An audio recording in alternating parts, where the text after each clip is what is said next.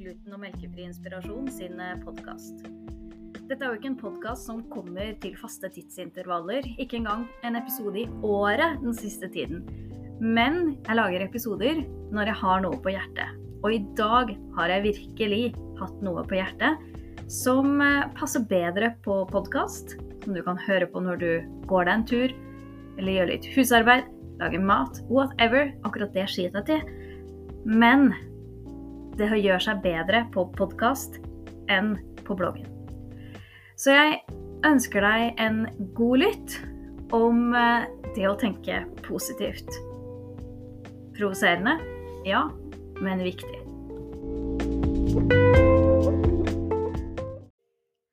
Da jeg eh, studerte bedring av arbeidshelse, så leste jeg en bok som het eh, helsepsykologi. Og der sto det omtalt noe som het salutogenese, som litt enkelt forklart handler om å ha fokus på det friske fremfor å ha fokus på det syke. Det handler om å ivareta den gode helsa i stedet for å reparere det ødelagte. Litt enkelt forklart, og etter mange år så er det også meget mulig at jeg ikke husker helt presis, men sånn som jeg tolket det og på en måte har beholdt fortolkningen inni meg, så, så er det det det går i.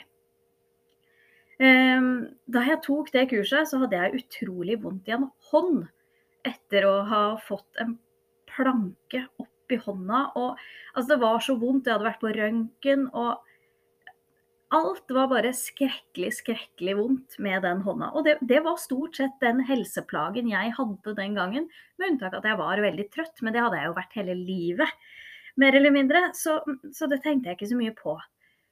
Men på dette kurset så lærte vi strengt tatt at man skulle tenke positivt. Og jeg ble så mektig provosert at jeg slet litt med å å henge med i svingene på kurset. Fordi jeg opplevde det nesten som en uh, fornærmelse mot de syke. Mot de som hadde plager og utfordringer. At man skulle tenke positivt. Fordi jeg gikk glipp av et viktig poeng. Jeg trodde nemlig at med å tenke positivt, så handlet det om å lure seg selv til å si at nei, nei, jeg har ikke vondt. Eller um, eh, si det går jo bra, men det er ikke det det går på. Det det går på, det er rett og slett å snu hele tankesettet fra å tenke at å, fy søren, jeg har vondt i den, um, i den hånda. Så skal man begynne å tenke fy søren, så mye jeg får til på tross av den smerten. Eller den andre hånda. Den er jo ikke vondt i det hele tatt.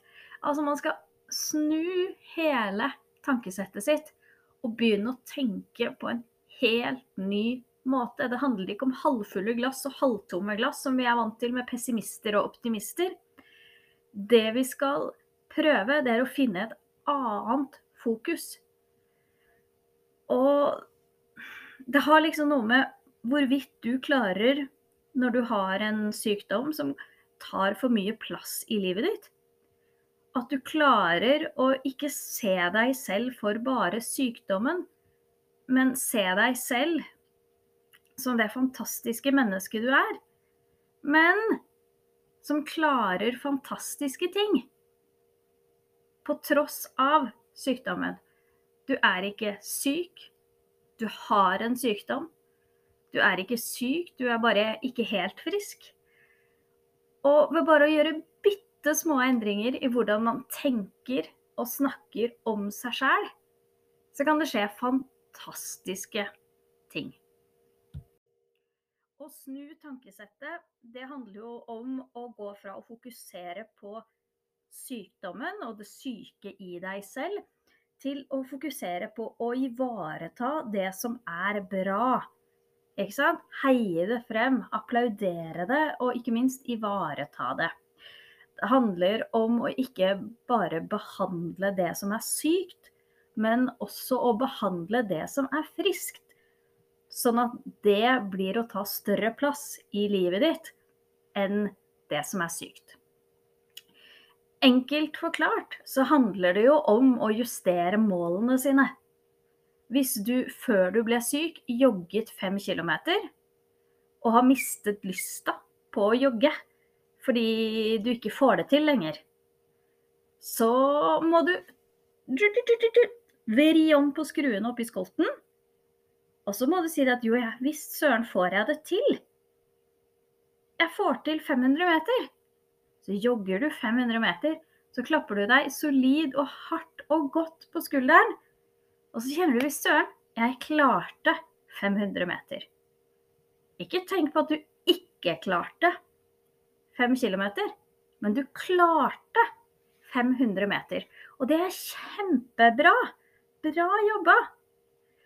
Og jo flere sånne milepæler du når, og jo mer av den helsefremmende atferden du bedriver, jo bedre vil du oppleve livet ditt er. Og det er kjempevanskelig. Og det, igjen, jeg ble kjempeprovosert. Jeg kjente det sånn dypt og inderlig og langt inn i sjela mi at jeg skulle lure meg sjæl. Fra liksom Ja, men jeg er jo sliten. Jeg er jo trøtt. Men jo mindre plass jeg ga det i livet mitt, jo, jo mindre plass tok det. Og det er jo det det handler om. ikke sant? Hvor mye plass skal drit ta i livet? Minst mulig. og dette her er ikke mambo jumbo humbug, Dette her er vitenskapelig fundert og undervist på Nord universitet. Sånn at dette her er helt vanlige greier, og det er ingen quick fix i det hele tatt. Det vil rett og slett kreve enormt mye arbeid å la det gode ta mer plass enn det dårlige i livet ditt. Og jeg gjorde det sånn at eh, jeg skrev Excel-ark, rett og slett. For eh, når den tanken på hvor sliten jeg var, på alt det jeg ikke fikk gjort, begynte å ta for mye plass. Ikke sant? Jeg identifiserte de kjipe tingene. Og så skrev jeg ned hva jeg ville tenke på i stedet. Hvis jeg tenkte jeg klarer ikke å gå eh, den mila etter jobb lenger. Så skrev jeg ned nei, men du klarer å jobbe. Det er jo kjempebra. Herlighet. Jeg hadde jo egentlig ikke trodd jeg skulle klare det for, eh, for et halvt år siden. Altså, bytte ut gamle tanker med nye tanker. Og for å gjøre det, så må man øve, og man må øve masse. Og derfor så må man også sette seg nye mål hele veien. Og i tillegg så må man klare å identifisere hva er det som gjør meg godt, og hva er det som ikke gjør meg godt. Ikke sant? Hva er det som tapper meg for energi? Hva er det som gir meg energi? Og for noen så kan det å tappe for energi være å være sosial. For andre kan det være kjempeviktig å være sosial. Men kanskje man da må identifisere hvilke mennesker som gir energi, og hvilke mennesker som tar energi. Sånn at det her er ikke enkelt, men det er verktøy på veien mot å oppleve bedre helse. For det er viktig å si at den eh, fysiske tilstanden din, blodprøvesvar, altså eh, alle de tingene som på en måte identifiserer den sykdommen du har i kroppen din, de parameterne der, de vil ikke påvirkes av at du opplever å ha bedre helse På ingen måte. Men din opplevelse av helsa di vil kunne forandres radikalt. Og Og igjen, dette her er ikke tull. Dette her er ekte og på ordentlig, men bare fordi at den handler om ting som skjer inni våre egne hjerner. Og fordi at jeg, som ikke er fagperson, snakker om det, så er det lett å tro at dette her er bullshit og sånn nymotens uh, mambo jumbo. Men igjen, jeg anbefaler på det varmeste å lese da den boka 'Helsepsykologi'. Den, den er jo veldig tørr og forholdsvis kjedelig, men den gir deg nytt perspektiv på hva det vil si å være syk, og hva det vil si å være frisk. Fordi at dette her er jo langs en sånn um, uh, Hva heter det for noe? Altså langs en målestokk, ikke sant? At du er jo aldri helt 100% frisk. Når er du det, liksom? Du, det, det, det, er jo, det er jo en gradering her hele veien. Og veldig mye av den graderingen handler om opplevd mestring av egen helse. Opplevd sykdom, opplevd uhelse.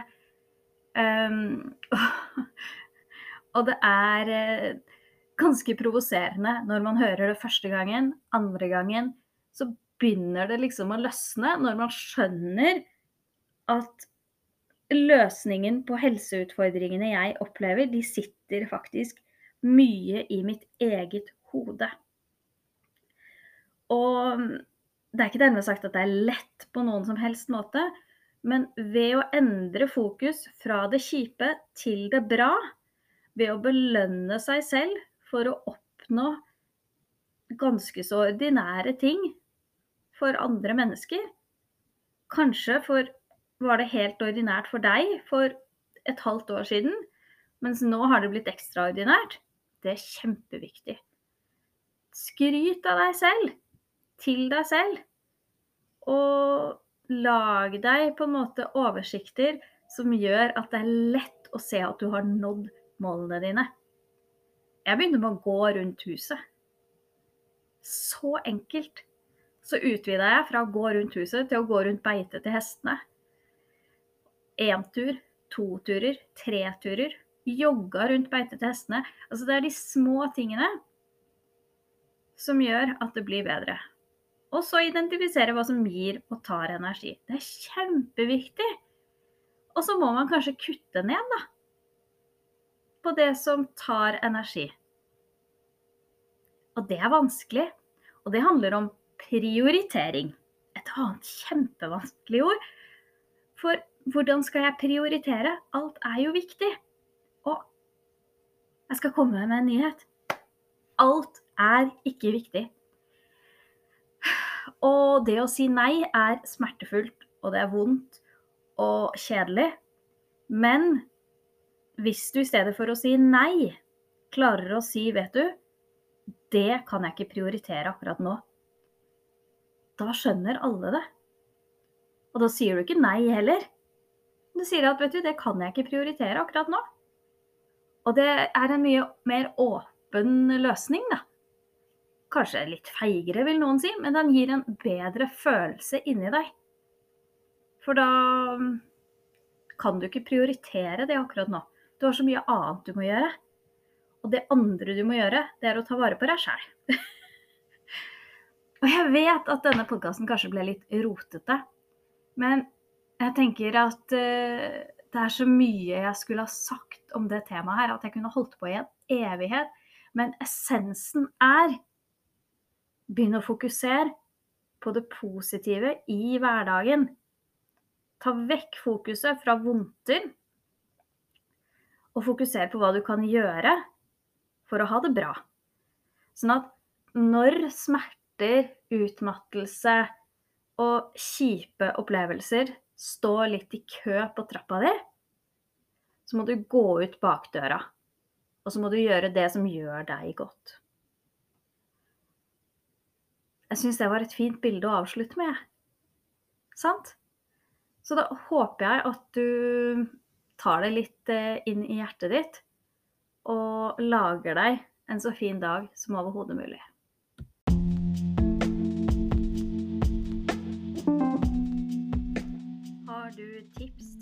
Ting du vil jeg skal snakke om, tilbakemeldinger eller en oppskrift du trenger hjelp med, se glutenommelkefri.com.